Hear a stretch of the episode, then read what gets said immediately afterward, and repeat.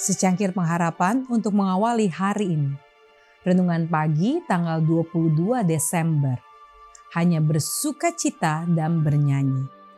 Yesaya 35 ayat 2 berfirman, Seperti bunga mawar, ia akan berbunga lebat, akan bersorak-sorak, ya bersorak-sorak, dan bersorak-sorai.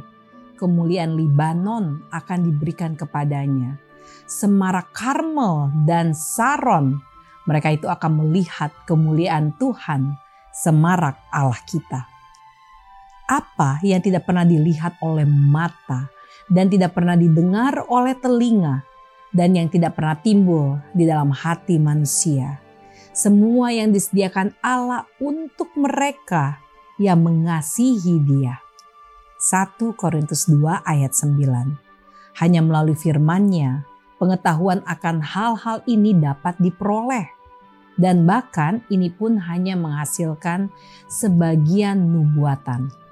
Di sana nanti apabila kabut yang menyelubungi pemandangan kita telah disisikan, mata kita akan melihat keindahan dunia yang sekarang kita menangkapnya hanya sekilas melalui mikroskop.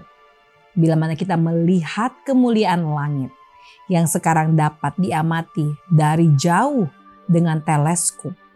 Bila mana kutub dosa dihilangkan, maka seluruh bumi akan kelihatan di dalam keindahan Tuhan Allah kita. Betapa satu bidang studi terbuka untuk kita pelajari. Di sana, pelajar ilmu pengetahuan dapat membaca catatan-catatan penciptaan dan tidak menemukan catatan-catatan yang mengingatkan kepada hukum kejahatan. Dia boleh mendengarkan suara musik alam dan tidak menemukan catatan ratapan atau rintihan duka cita.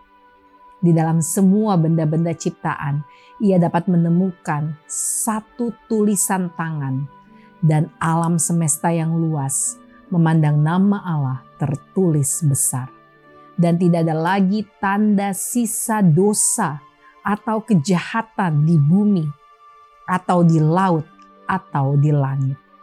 Doa kita hari ini, marilah kita menjalani hari dengan sukacita dan selalu bersyukur atas tuntunan Tuhan dalam kehidupan kita.